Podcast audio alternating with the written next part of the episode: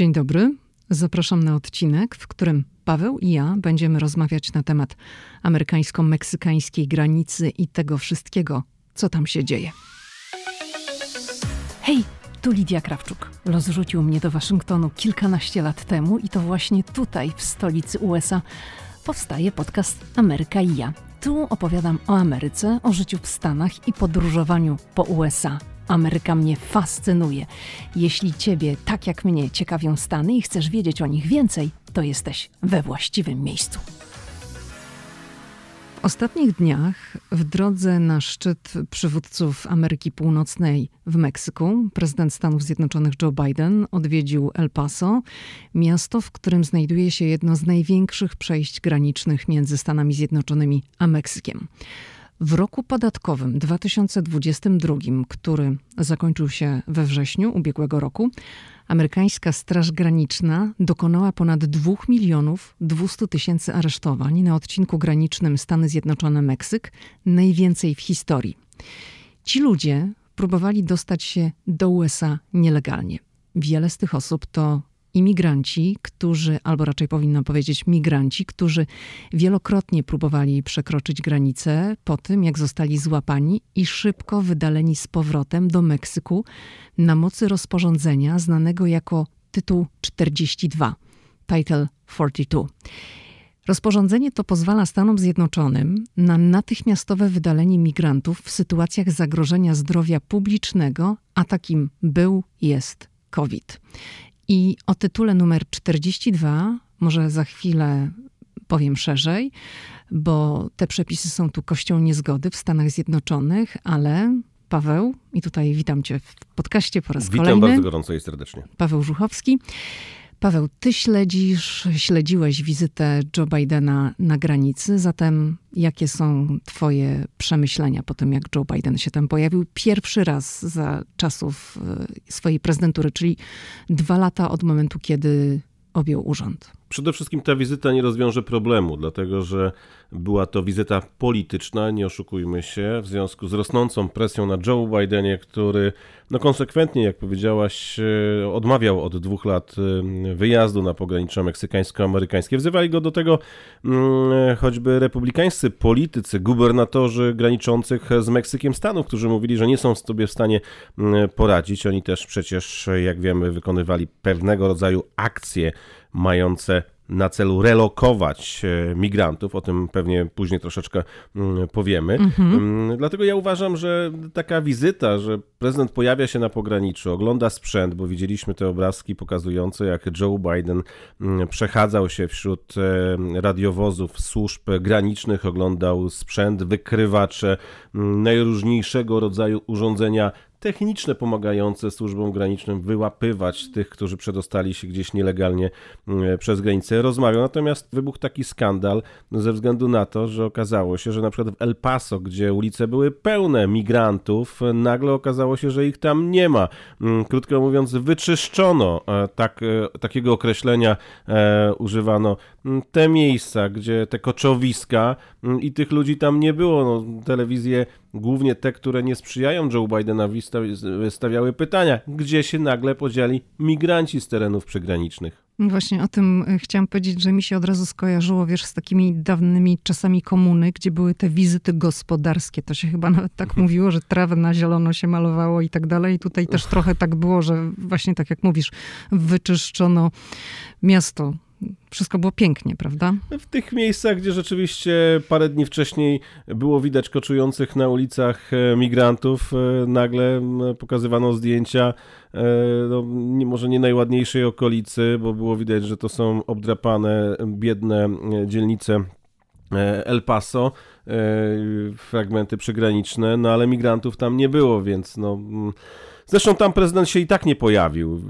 Tak naprawdę prezydent powinien pojawić się gdzieś w miejscu, gdzie, gdzie ci imigranci w strasznych warunkach koczują i wtedy rzeczywiście, jeżeli chciał się przekonać, jak to wygląda, to by się przekonał. Chodząc i rozmawiając z funkcjonariuszami, no to może usłyszeć relacje, ale równie dobrze mógłby to usłyszeć przez telefon, będąc tutaj w Waszyngtonie, w Białym Domu.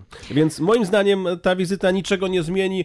No, w tej chwili nikt już nie może powiedzieć, że prezydent nie był na na granicy i nie widział problemu, no bo zawsze ktoś powie, no przecież był. Dobrze, to może Paweł powiedzmy troszeczkę, porozmawiajmy o samej granicy, jak ona jest długa, jakie są tam zabezpieczenia i z czym tak naprawdę Stany Zjednoczone tam się mierzą. To jest naprawdę długa historia, jak sama granica, dlatego że ona jest zróżnicowana. Sama granica USA z Meksykiem liczy 1954 mile, to 3145 e, kilometrów. I teraz, żeby zobrazować, ona przebiega między innymi wzdłuż rzeki Rio Grande, mm, przez tereny górskie, e, pustynne, zabudowane, ale także park e, przyjaźni w Tijuanie. I żeby zabezpieczyć 3145 km granicy to potrzeba wielu służb różnych, mm, dużo sprzętu, E, także elektronicznego, czujniki ruchu i mm, trzeba to sobie wyobrazić. Ogromny obszar zróżnicowany, przebiegający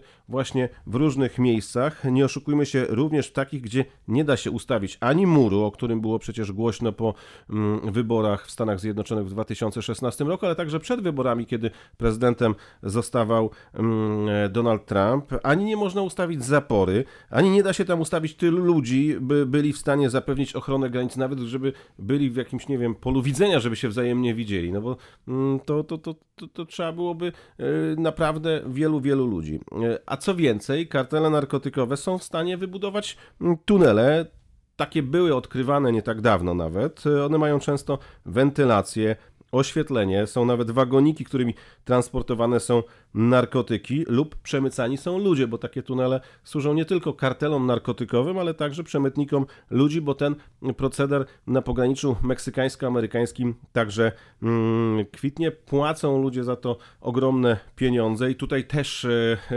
często dochodzi do takich dramatycznych historii, kiedy mm, ci ludzie są porzucani gdzieś na pustyni i próbują dotrzeć. E, nawet są takie sytuacje, że pogranicznicy odnajdują mm, dzieci, które zostały porzucone przez przemytników, bo często tej dramatycznej historii jest tak, że ludzie z Nikaragui, z pogrążonej w kryzysie Wenezueli, licząc na to, że te dzieci spotka lepszy los mm, w Stanach Zjednoczonych, bo mają krewnych, mają bliskich, to powierzają przemytnikom mm, swoje dzieci, e, licząc, że do tych krewnych w Stanach Zjednoczonych one dotrą, a tymczasem są porzucane często mm, na granicy. No ale czasami też jest tak, wielokrotnie jest też tak, że sami rodzice gdzieś tam docierają do granicy i zostawiają dzieci na granicy. Tak jest, tak, tak mhm. jest. Wracając do tych tuneli, bo w ostatnich latach e, odnajdywano na terenach e, przygranicznych wiele takich konstrukcji. One na przykład rozpoczynały się po meksykańskiej stronie, a wychodziły e, na przykład w jakiejś piwnicy budynku w miasteczku po amerykańskiej stronie, co było często trudne do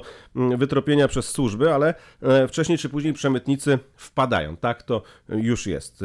Granice, bo to pytałaś, chronią różnego rodzaju bariery rozlokowane mhm. na różnych odcinkach. Jest oczywiście mur który rozpoczęto budować za prezydentury Donalda Trumpa, który miał być e, no, taką nadzieją dla Stanów Zjednoczonych, by powstrzymać migrantów, którzy z Ameryki Południowej próbują przedostać się do Stanów Zjednoczonych. E, czy skuteczny?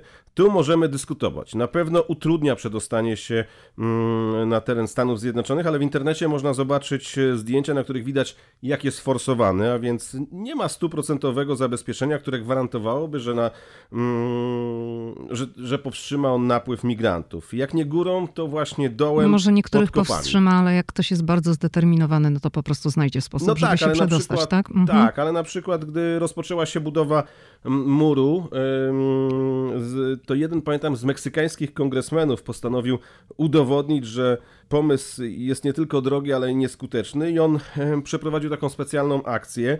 Wspiął się na ogrodzenie, by pokazać, jak łatwo jest znaleźć się po drugiej stronie granicy e, i on e, przemawiał do ludzi z tego, z tego muru. Ja mam tutaj nawet taki cytat e, mhm. przygotowany. On powiedział tak, siedzę na ogrodzeniu, ogrodzeniu, które rozdziela granicę między Meksykiem a Stanami Zjednoczonymi. Po tej stronie Meksyk, po tej Stany Zjednoczone i jak widzicie na te 8 czy 10 metrów nie jest trudno się wdrapać. Można wspiąć się i usiąść tutaj. Byłoby bardzo łatwo przedostać się do Stanów Zjednoczonych, co dowodzi, że taki mur jest kompletnie niepotrzebne. To absurd budować mur, który będzie kosztował 15 miliardów dolarów. Wtedy tak mówił, ale też musimy sobie jasno powiedzieć, że Donald Trump zapewniał, że ten mur zostanie wybudowany z pieniędzy Meksyku. Meksyk powiedział, że mm, tych pieniędzy e, nie wyda na mur i nie ma mowy, żeby Meksyk zapłacił za mm, e, wybudowanie tego muru. Wtedy doszło do takiego mm, konfliktu między Meksykiem a Stanami Zjednoczonymi. Nawet te relacje między Meksykiem a Stanami Zjednoczonymi znalazły się w takim trudnym położeniu. E, ten kongresmen, który wszedł na mur, podkreślał, że bycie dobrym sąsiadem polega na wzajemnej pomocy, które mogą poprawić relacje i zatrzymać napływ imigrantów. I tutaj bardzo często mówi się, że należałoby pomóc Meksykowi, bo to nie są tylko migranci z Meksyku, powstrzymać napływ do Meksyku migrantów z innych e, państw, głównie Wenezuela, Nikaragua, te kraje, które no, borykają się mm, z wieloma, z wieloma mm, problemami. I tu właśnie ten pomysł muru był bardzo mocno krytykowany w Meksyku. Dobrze, Paweł, to będziemy kontynuować ten wątek. Ja myślę, że tutaj teraz jest dobry moment, żebym powiedziała o tytule 42, tytuł 42, to jest to rozporządzenie, o którym wspominałam na początku, które pozwala Stanom Zjednoczonym na natychmiastowe wydalenie migrantów w sytuacjach zagrożenia zdrowia publicznego.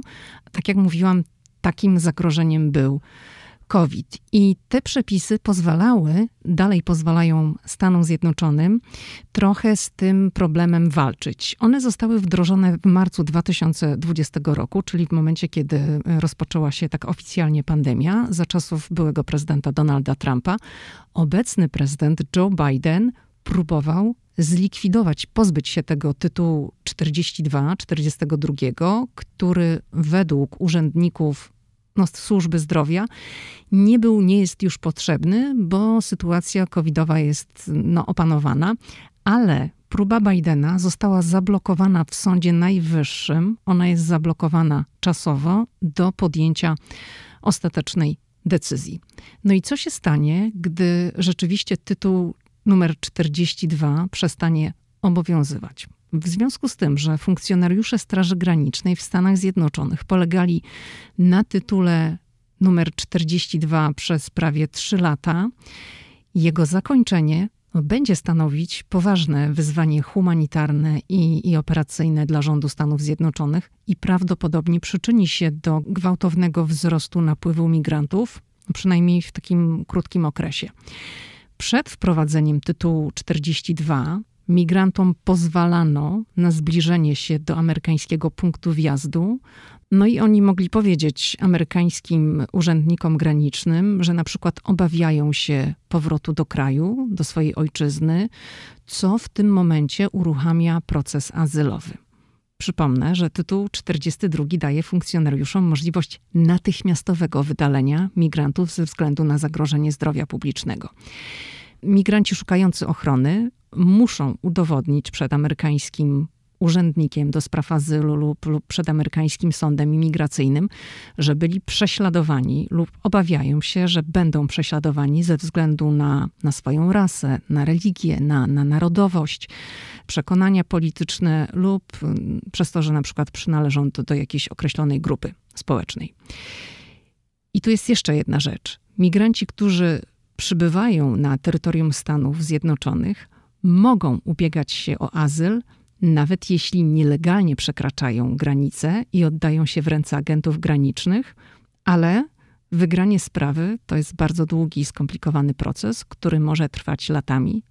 No ale tak jak mówił Paweł, no Stany Zjednoczone, sytuacja na granicy jest y, skomplikowana i napięta, i mury i te wszystkie zabezpieczenia nie do końca tutaj działają trzeba powiedzieć sobie, że tak naprawdę granica zabezpieczona jest w różny sposób. E, powiedziałaś mury, ale to nie są tylko mury. Jest oczywiście ten mur wybudowany przez e, e, Donalda Trumpa, przez jego administrację, forsowany, który no, nie został ukończony, no ale rozpoczęto budowę. Na przykład na zachodzie między San Diego i w Kalifornii i Tijuaną mm, w Meksyku jest e, na przykład podwójne ogrodzenie, którego część biegnie przez plażę i na krótkim odcinku wchodzi do Oceanu Spokojnego. Granica monitorowana jest też tam przez kamery mm, i ze śmigłowców. W Teksasie zróżnicowana zróżnicowany teren wokół rzeki Rio Grande w kanionie Santa Elena stanowi taką barierę naturalną, ale właśnie tam dochodzi często do tragedii, bo ludzie próbują przedostać się przez rzekę, co bardzo często kończy się dramatycznie. To są takie prowizoryczne pontony albo nawet często na jakichś materacach dmuchanych, no w różny sposób, tak? To się tam odbywa. Na pustyni w Arizonie wbite są w ziemię takie pręty uniemożliwiające przejazd pojazdom i tylko takie jest na przykład zabezpieczenie. E, tam nie ma jakiegoś mm, skuteczniejszego e, zabezpieczenia. W niektórych trudno dostępnych i odległych miejscach nie ma żadnych barier, e, w innych mają one różnoraki kształt, rozmiary, często takie archaiczne, które powstawały bardzo, mm, bardzo dawno, na przykład z wykorzystaniem takich różnego rodzaju materiałów. Jest taki odcinek wykonany z takiej blachy falistej, z takiego płotu z czasów jeszcze wojny w Wietnamie, która no, te zabezpieczenia, ta blacha była pierwotnie miała być używana, jak przeczytałem gdzieś, do mm, lądowania śmigłowców, więc wykorzystywano na przestrzeni lat różnego rodzaju materiały, mm, z których budowano później zabezpieczenia e, na granicy. W Nowym Meksyku obydwa kraje oddziela niekiedy siatka lub małe, większe płoty, jakimi otacza się zwykłe domy mieszkalne, więc Stany Zjednoczone nigdy sobie mm, nie poradziły. I oprócz tego fragmentu, o którym e, tutaj e, mówimy, no jest jeszcze oczywiście ta granica wodna, bo przecież e, problem migracji nie dotyczy tylko i wyłącznie terenów e, mm, z Meksykiem, ale też wielu migrantów próbuje przedostać się z Kuby i tu z kolei Floryda, która ma problem z ludźmi nie tak dawno przecież, to było pod koniec zeszłego roku, jeden z wielkich wycieczkowców musiał nagle zatrzymać maszyny, bo na e, kursie okazało się, że płynie jakaś łajba rozpadająca się z migrantami mm, z Kuby, którzy chcieli mm, dotrzeć do granicy mm, z Florydą, e, do, do, do wybrzeży Florydy i tam e, rozpocząć e, chcieli ci migranci swój amerykański sen. Funkcjonariusze amerykańskiej Straży Granicznej wyposażeni są w zaawansowany sprzęt od czynników ruchu przez drony, balony aerostatyczne czy technologię zapewniającą odporność balistyczną. Ostatni ten sprzęt właśnie oglądał Joe Biden, o czym już mówiliśmy. I cały czas jest takie doposażanie, ale nie ma, nie ma, naprawdę nie ma skutecznej metody zabezpieczenia granicy e, na tak olbrzymim obszarze. Nie ma i też wiesz, no taki tutaj czynnik ludzki. Takie najprostsze sposoby są również wykorzystywane.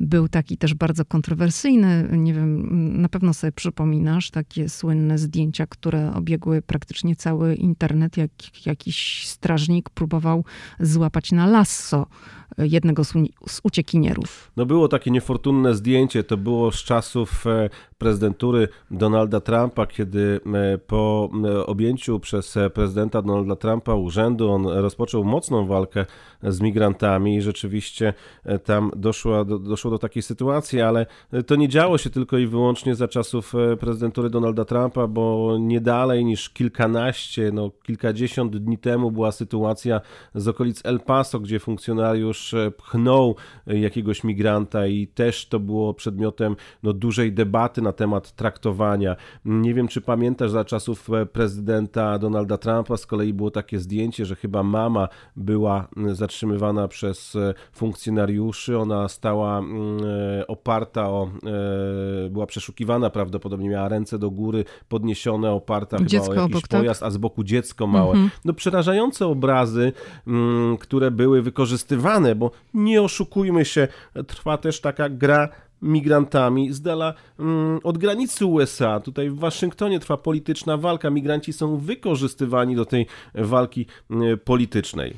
Dobrze, to do tego przejdziemy, ale myślę, że to jest dobry moment, żeby powiedzieć, co tak naprawdę się dzieje z ludźmi, którzy, z migrantami, którzy przekroczą granicę ze Stanami, ze Stanami Zjednoczonymi. Zatem tych migrantów, których nie można wydalić na podstawie tytułu 42, a jeszcze raz przypomnę, tytuł 42 daje funkcjonariuszom możliwość natychmiastowego wydalenia migrantów ze względu na zagrożenie zdrowia publicznego.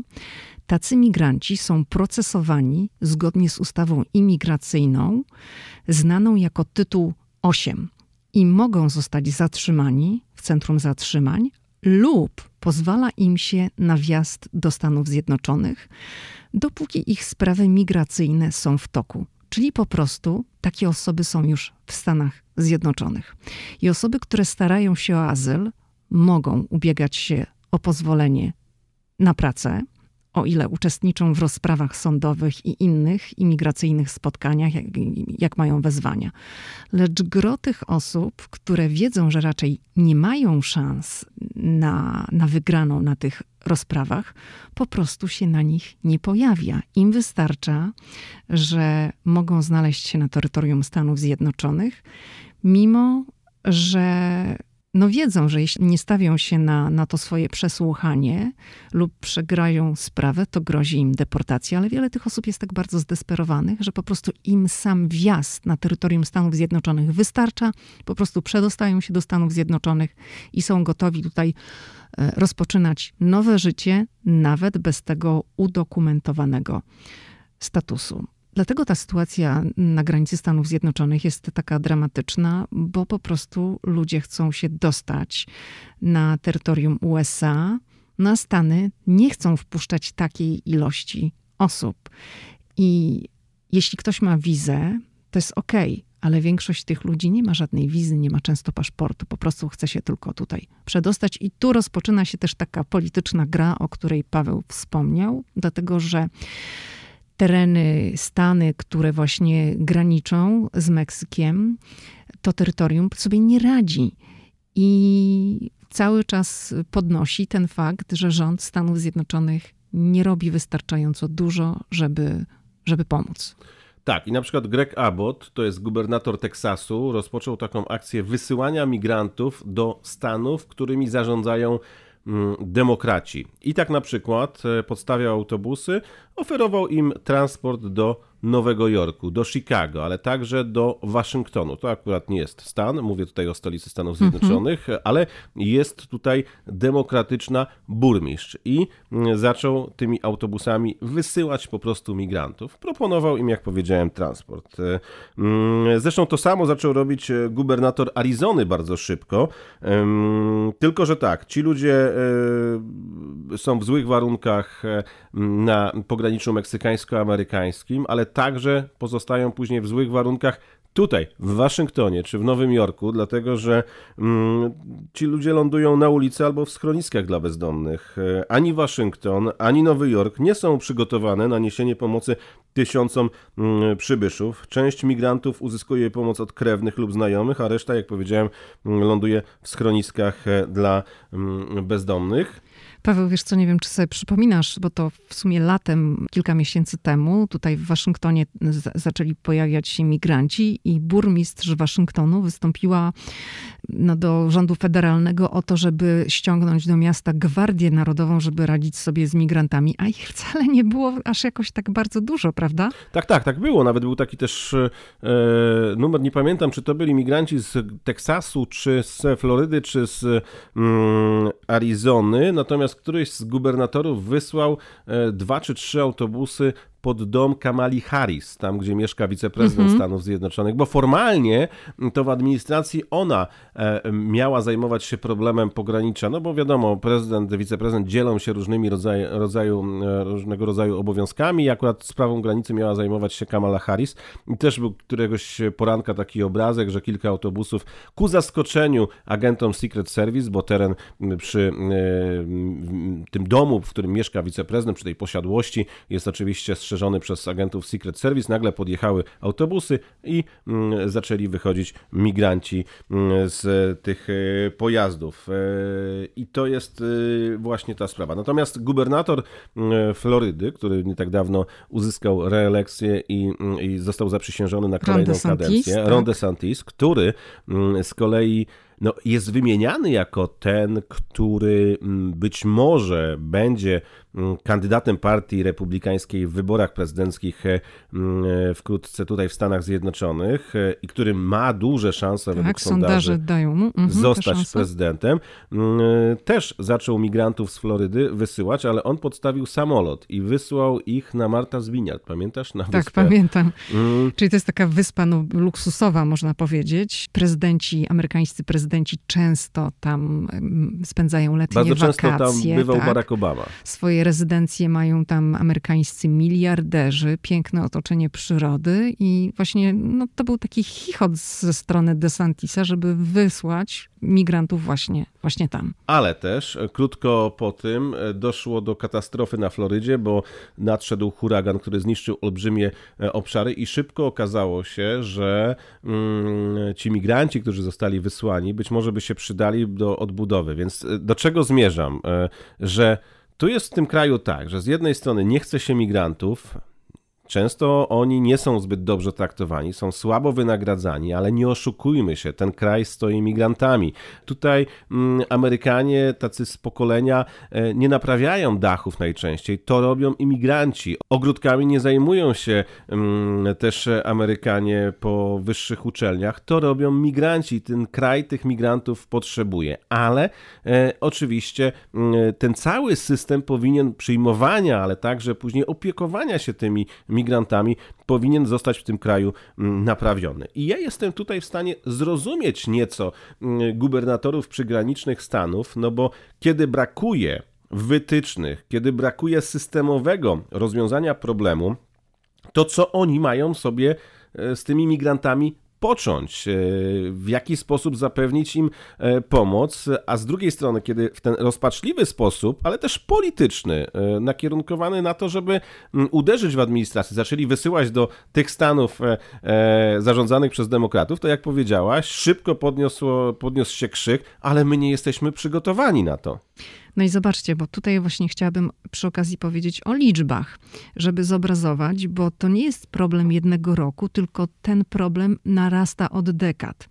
Według danych US Customs and Border Patrol niemal milion trzysta tysięcy migrantów zostało przeprocesowanych na podstawie tytułu numer 8 w roku podatkowym 2022, czyli tylko mówimy o 12 miesiącach. Oznacza to, że albo zostali szybko usunięci bez rozstrzygania ich sprawy przez sąd imigracyjny, albo pozwolono im na wjazd do USA po przejściu kontroli, no, tej rozmowie z urzędnikiem do spraw azylu i mogą oni kontynuować swoją sprawę w sądach imigracyjnych, w których ubiegają się o azyl no, w ten sposób broniąc się przed deportacją. Ale tak jak mówiłam, wiele osób no, dzięki temu, że w ogóle zostanie przeprocesowanych, to już się na tych rozprawach nie pojawia. Czyli co roku jest więcej i więcej osób, które przybywają na teren Stanów Zjednoczonych bez tego uregulowanego statusu, no i coś trzeba z tymi ludźmi zrobić. Może jeszcze od razu powiem, y, jakie narodowości pojawiają się najliczniej. Meksyk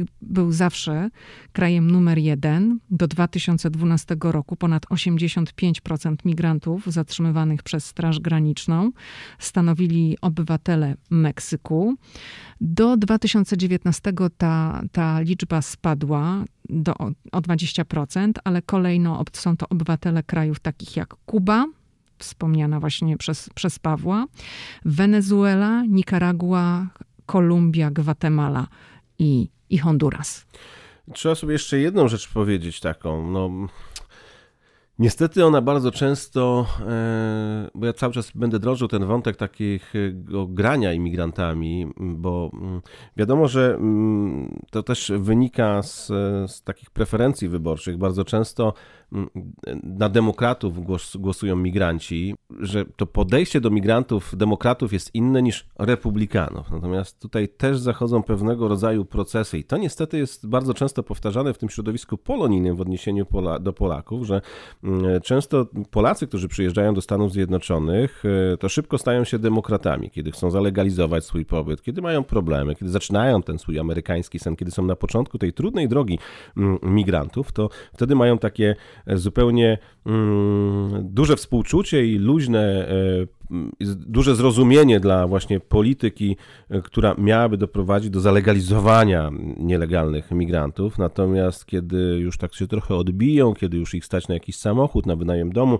to szybko stają się republikanami i pierwsi krzyczą stop migrantom, tak? Ale trzeba zapamiętać, że ten kraj przez migrantów został tak naprawdę zbudowany. To jest wielka tragedia, która rozgrywa się na pograniczu meksykańsko-amerykańskim, ale także na wodach Zatoki Meksykańskiej od strony właśnie Kuby czy też Meksyku, bo to są różne sposoby przedostania się do tego kraju.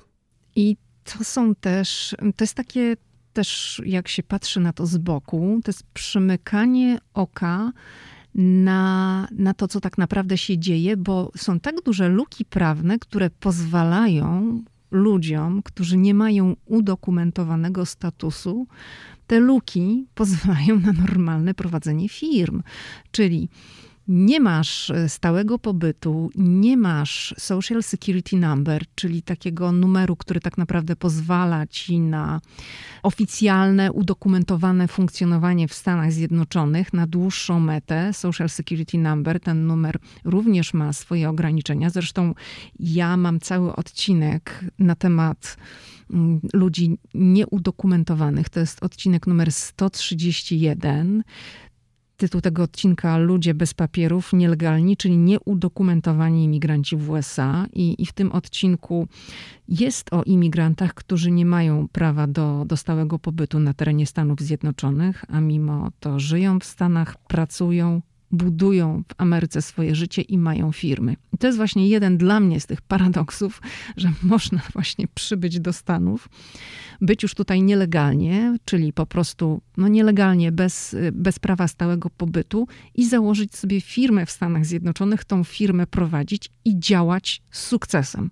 No ale oczywiście nie możesz wyjechać z terytorium Stanów Zjednoczonych, bo jak już wyjedziesz, no to tutaj z powrotem nie wiedziesz, ale Stany no, przymykają na to oko, bo nie ma przepisów, które mówią, że nie możesz tego zrobić. No właśnie, a z drugiej Pamiętasz, strony... Paweł, te, te demonstracje tutaj w Waszyngtonie, gdzie, gdzie tak. spotykaliśmy ludzi? Tak, Może tak. przypomnij ten wątek. Tak, ja pamiętam, to było za czasów prezydentury Baracka Obamy. E, to była taka manifestacja nielegalnych migrantów e, i to było na National Mall w stolicy Stanów Zjednoczonych. Ja pamiętam, szedłem nagle przed sceną zobaczyłem powiewające biało-czerwone flagi. Mówię, o, rodacy, to pójdę, nagram, pewnie nielegalni migranci. I oni zaczęli opowiadać e, historię. To, było, to były pierwsze miesiące naszego pobytu tutaj w Stanach Zjednoczonych. I oni wypowiadając się, powiedzieli tak, że mają już tego dosyć, że wspierają ten kraj, że płacą podatki, mają firmę. Ja mówię, zaraz, zaraz. Zaraz, zaraz, no jak? No przecież to jest manifestacja, ja myślałem, że pomylili miejsca. Ja mówię, przecież to jest manifestacja nielegalnych imigrantów. Oni mówią, ale my jesteśmy nielegalnymi imigrantami. Ja mówię, no ale jak? No mówicie, że prowadzicie firmę, płacicie podatki. Oni mówią, tak, płacimy podatki, prowadzimy firmę, zatrudniamy ludzi, ale jesteśmy nielegalnie. Ja wtedy, to był pierwszy raz chyba, kiedy spotkałem się właśnie z takim Mm, twarzą w twarz człowiekiem, który rzeczywiście ma taką historię, bo gdzieś, gdzieś tam różne historie słyszało się, tylko jak się czyta, jak się gdzieś słyszy, to do końca e, nie we wszystko się wierzy. A tutaj e, spotkałem ludzi, którzy powiedzieli tak, my od wielu, wielu lat e, mieszkamy w Chicago, zatrudniamy ludzi, prowadzimy firmy, mamy samochody nawet w kredytach, bo to była jakaś firma transportowa, ktoś miał sklep, ale nadal nie mamy zalegalizowanego mm, pobytu. I to jest też ciekawa właśnie historia, że ten kraj chce przewodzić, ma być tym policjantem świata. Chciał zmieniać systemy mm, polityczne wielu państw na świecie, dążyć do demokracji, a sam nie może mm, sobie poradzić z czymś takim jak napływ migrantów. Przecież kilka lat temu słyszeliśmy o tych słynnych karawanach zmierzających do granicy mm, ze Stanami Zjednoczonymi, że gdzieś poszły jakieś informacje, że Stany Zjednoczone teraz to będą wpuszczać każdego i widzieliśmy jak e, w kierunku Meksyku e, szły grupy ludzi, tam było 200, 300, 400 osób mm, i na granicy szykowano się, że będzie szturm tych migrantów, że oni będą próbowali się mm, przedostać. Z drugiej strony mówimy o kraju, który, jak powiedziałem, chciał, e, chce naprawiać złe miejsca na świecie, a sam ma takie historie, jak na przykład z czerwca ubiegłego roku gdzie w ciężarówce w San Antonio znaleziono e, naczepę porzuconą z migrantami, a w niej 46 ciał migrantów. Mówimy o Stanach Zjednoczonych, o takim kraju. 16 kolejnych osób e, trafiło do szpitali. E, no więc e, nie, trudno sobie wyobrazić, że w cywilizowanym, wydawać by się mogło kraju, możliwe jest coś takiego, że znajduje się ciężarówkę z tyloma ofiarami. Ale e, ja mam tutaj więcej takich cytatów e, z prasy. Mm, tylko w ostatnich miesiącach alarmowały na przykład nagłówki, że podczas próby przepłynięcia przez Rio Grande, od tej granicy, która mówi, o której mówiłem, gdzie nie ma żadnych zabezpieczeń, bo jest po prostu rzeka, utonęła mm, pięcioletnia dziewczynka z Gwatemali. Nurt rzeki wyrwał ją z objęć matki. Służby uratowały 28-letnią mm, kobietę. Nie tak dawno była informacja, że inna grupa próbowała przekroczyć Rio Grande. W Teksasie nurt porwał trzyletniego chłopca, dziecko utonęło. Funkcjonariusze Straży Granicznej wyłowili z rzeki niemowlę, któremu po mm, e, reanimacji udało się przywrócić mm, funkcje życiowe. Dwumiesięczny chłopiec trafił w stanie krytycznym do szpitala mm, w San Antonio. I ja tak mógłbym czytać i czytać, bo tych nagłówków z prasy, z pogranicza jest wiele. Była mowa o kilkuletnim chłopcu, który się błąkał właśnie gdzieś po pustyni, e, porzucony przez tych przemytników, którzy obiecali rodzicom, że e, dostarczą go do krewnych w Stanach Zjednoczonych. Ja tu jeszcze chciałam nawiązać do prowadzenia firm, bo być może nasunie wam się takie pytanie, no ale dobrze, jak ktoś może założyć firmę, jeżeli nie ma Social Security Number, tego numeru, o którym mówiłam. Ale można też wystąpić do amerykańskiego IRS-u, czyli tego Urzędu Podatkowego, o nadanie takiego numeru podatkowego. I jak masz numer podatkowy, i chcesz płacić podatki, no to proszę bardzo, no, bardzo proszę, to nie ma wtedy żadnego problemu. I na podstawie właśnie takiego numeru podatkowego takie osoby mogą się rozliczać. Dlaczego one to robią? No bo liczą, że być może kiedyś stanie się to furtką do tego, żeby ten status swój zalegalizować, ale tak jak mówiłam w odcinku podcastu numer 131, tam bardzo dużo na ten temat mówię, wyjaśniam w ogóle jak to wszystko działa. Także odsyłam do tego odcinka. Dobrze, Paweł, tutaj takich różnych przykładów to moglibyśmy mnożyć, ale powiedz, jak uważasz, czy ta sytuacja w ogóle jest do rozwiązania? Bo no, jak długo tutaj jesteśmy, a 14 lat będzie niedługo, obserwujemy ten proces i tu dla mnie nie widać w ogóle jakiegokolwiek światełka w tunelu, jakiejkolwiek woli, takiej woli wspólnej obu stron, demokratów i republikanów, do tego, żeby ten problem rozwiązać. Wiesz, problemu się nie da rozwiązać do momentu, kiedy graniczyć będą ze sobą kraje biedne i kraje bogate. Wszędzie, gdzie występuje taka sytuacja, że jest kraj biedny, gdzie łamane są prawa człowieka, gdzie e, można zginąć na ulicy e, przy okazji walk e, gangów narkotykowych, e, gdzie mm, młode dziewczyny są wykorzystywane, gdzie są gwałcone, gdzie są wpychane w ręce gangsterów, być może dlatego, żeby zapewnić tym rodzinom jakąś ochronę, bo takie sytuacje dzieją się w Ameryce Południowej, to niestety będą takie sytuacje, gdzie ludzie będą chcieli z tego piekła się wyrwać i przedostać się do lepszego kraju. Budowanie murów, różnego rodzaju zabezpieczeń, według mnie specjalnie nic nie da. Oczywiście ograniczy to w jakiś sposób. Problem należy rozwiązywać systemowo w tych miejscach, gdzie jest kłopot. Czy Stany Zjednoczone są w stanie zaprowadzić e, mm, czy zmienić e, sytuację w tych krajach, skąd teraz ludzie uciekają? Oczywiście, że nie. Dlatego też można próbować powstrzymać falę migrantów. Być może przyjmować, rozpocząć proces łączenia rodzin, pomagać tym ludziom, e, być może rozmawiać, czy starać się wpływać na to, żeby zmieniła się system, sytuacja na Kubie. Ten proces był w jakiś sposób zapoczątkowany za prezydentury mm, Baracka Obamy, wstrzymany przez Donalda Trumpa, no ale przecież e, bracia Castro odeszli już e, do historii, a znajdują się następcy, którzy chcą te reżimy podtrzymywać.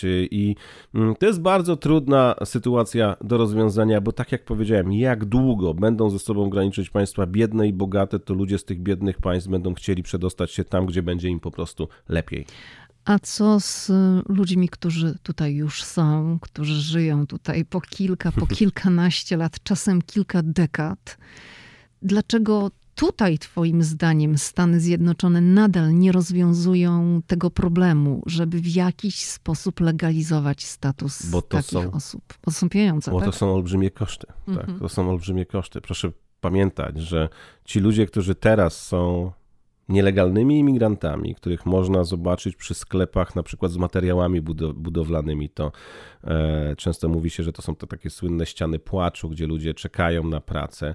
To ktoś podjeżdża, taki przeciętny Amerykanin z klasy średniej i e, bierze sobie na przykład, nie wiem, ziemię do ogródka, no to widzi tych ludzi i może ich poprosić, zresztą oni sami proszą e, o to, żeby mm, ich zatrudnić, to im mówi dobrze, no to potrzebuję na przykład w ogródku rozsypać ziemię, dam wam 50 dolców. I oni wtedy kalkulują, albo będą siedzieć przy tym krawężniku, na tym krawężniku dalej i nie będą tego dnia robić nic, albo pojadą i będą to robić. Kiedy ci ludzie na przykład e, zalegalizują swój pobyt, no to już za takie stawki pracować nie będą w taki, na takich warunkach na przykład. Będą próbowali innej drogi.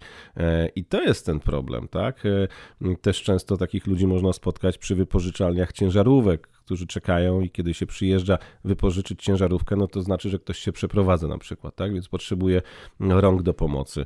Mm, I tu jest ten cały system. E, poza tym kwestie jakichś wsparć lokalnych na wyższym szczeblu, tak? Też e, trzeba byłoby tym ludziom pomagać. I ten kraj tego robić nie chce, a z drugiej strony tych ludzi potrzebuje, bo tak jak powiedziałaś, na przykład oni prowadzą firmy, zarabiają, a często dają nawet Właśnie dlatego tak sobie myślę, ten system jest taki dziurawy. dziurawy. Mhm. Ja jestem absolutnie za tym, że żeby y, końcu doszło tutaj do jakiejś takiej systemowej reformy. Rzeczywiście myślę, że takim przełomowym e, momentem mogłoby być zalegalizowanie pobytu, bo tu kiedy mówimy o nielegalnej imigracji, mówimy też o takiej grupie ludzi, o tych słynnych dreamersach, którzy mm, zostali przywiezieni tutaj do Stanów Zjednoczonych e, przez rodziców. Często na przykład właśnie gdzieś z Ameryki Południowej, wyrwani z tego piekła, którzy nie znają nawet e, często tego języka swojego ojczystego, kultury, z tym krajem nie są w ogóle związani, bo tam już nikogo nie ma, bo albo wszyscy uciekli, albo zostali zabici, albo zmarli w innych okolicznościach. E, I nagle teraz okazuje się, że tutaj chodzili do szkoły, tu mają przyjaciół, tu rozpoczęli pracę, a są nielegalnie i mogą zostać w każdej chwili deportowani. I tutaj też mówi się o tych ludziach, że trzeba coś z tymi ludźmi zrobić, bo nie można ich teraz wysłać e, do kraju, o którym oni w ogóle nie mają pojęcia i tak naprawdę nie mają żadnego związku, bo zostali na przykład przywiezieni w wieku, nie wiem, kilku miesięcy czy tam kilku lat. E, I ja uważam, że idealnym rozwiązaniem, choć być może idealnym z punktu widzenia migrantów i migracji w ogóle, być może nie interesów e, konkretnych stanów, e, konkretnych miast, byłoby postawienie takiej grubej kreski, przeprowadzić proces legalizacji e, pobytu tych, którzy są ludźmi, którzy tutaj żyją, pracują uczciwie. Oczywiście nie dotyczy to i o tym zawsze się mówi, że mm, przestępcy, którzy tutaj przyjechali, y, nielegalnie przebywają, no to ich trzeba po prostu zatrzymywać, sądzić, deportować. To, to każdy kraj broni się przed czymś takim, przed takimi sytuacjami.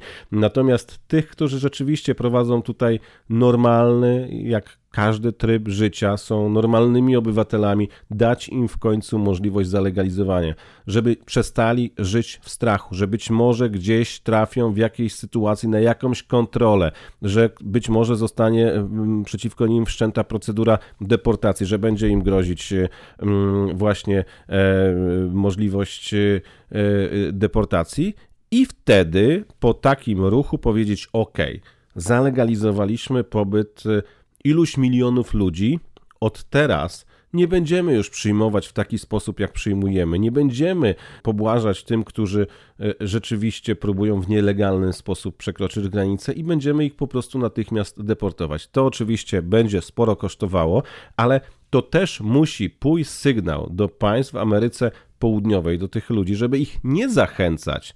Jeżeli oni będą wiedzieli, że granica jest strzeżona, że nie ma tutaj miękkiej gry, jeżeli nielegalnie przedostajesz się, bo inną rzeczą jest przyjść na granicę, złożyć wniosek i w nos, y, taki sposób legalny ubiegać się. Każdy każdy kraj musi respektować y, i rozpatrzyć wniosek o azyl polityczny na przykład. I to Stany Zjednoczone powinny robić w normalnej procedurze, jak każdy mm, kraj, który ceni sobie wartości. Ale tych, którzy przekraczają przez rzekę Rio Grande na przykład, natychmiast bez dyskusji deportować będzie to mm, koszt, ale jeżeli ta informacja pójdzie, że Stany Zjednoczone już nie bawią się, nie pozwalają, nie ma takiej możliwości, że jest jakiś szturm na granicy, komuś uda się przebiec czy cokolwiek zrobić, no to wtedy może ta sytuacja się zmienić i ludzie będą próbowali dostać się do Stanów Zjednoczonych, ale w legalny sposób. A inną rzeczą jest to, co powiedziałaś, zalegalizować w końcu pobyt i skończyć z tą fikcją, bo przecież znamy,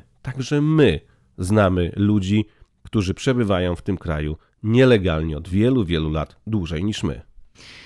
Myślę, że to jest bardzo dobra klamra na zakończenie tego odcinka. Ja jeszcze raz Was odsyłam do odcinka numer 131, bo w tym odcinku wyjaśniłam bardzo dużo kwestii związanych z ludźmi, którzy żyją w Stanach Zjednoczonych bez papierów. I tam również poruszam wątek dreamersów, wątek ludzi, o których wspominał Paweł, którzy zostali przywiezieni tutaj jako dzieci. Mówię o programie DACA, którym oni zostali objęci. Także jeżeli nie słuchaliście, to odsyłam do tego odcinka. Jeżeli słuchaliście, ale już nie pamiętacie o co chodzi, to tym bardziej, bo dużo tych kwestii, o których tutaj powiedzieliśmy, będzie dla Was bardziej czytelna i jasna w odniesieniu do, do ludzi, którzy przebywają na terenie Stanów Zjednoczonych bez tego uregulowanego statusu. Paweł, bardzo dziękuję Ci za udział w dzisiejszym odcinku. Dziękuję bardzo, było mi bardzo miło. I odsyłam Was jak zwykle na nasze konta na Instagramie, na konto Pawła. Paweł jest tam aktywny bardzo, ja też, także w podcaście mam nadzieję, że się usłyszymy niebawem z Pawłem za jakiś czas, a między kolejnymi odcinkami podcastu Ameryka i ja możecie nas e, oglądać, widzieć, śledzić na naszych kontach na Instagramie. Do usłyszenia. Do usłyszenia.